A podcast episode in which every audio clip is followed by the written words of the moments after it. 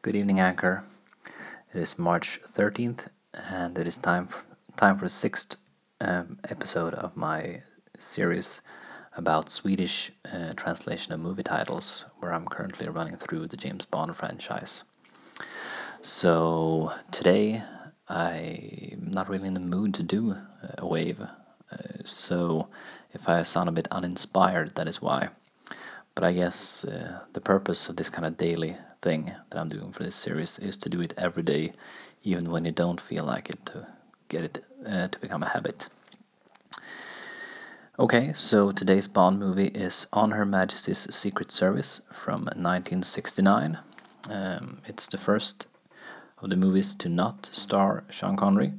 Instead, George Lazenby, or George Lazenby, I've heard it pronounced both ways, uh, was cast as James Bond in what turned out to be his only movie starring as Bond. And I personally like this movie. It is very much a reaction to the previous one, to You Only Live Twice, um, which was a very big and fantastical movie. This one is much more grounded again, feels more realistic in the way that uh, From Russia with Love did. And this seems to be an ongoing trend in the Bond movies where they just get bigger and bigger and grander and more fantastical until they finally push over a cliff and need to reset it back down to realism again. Um, so, yes, On Her Majesty's Secret Service is in Swedish called I Hennes Majestäts Hemliga Tjänst.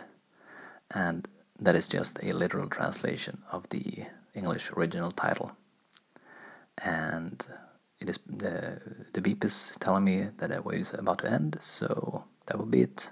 James Bond will return.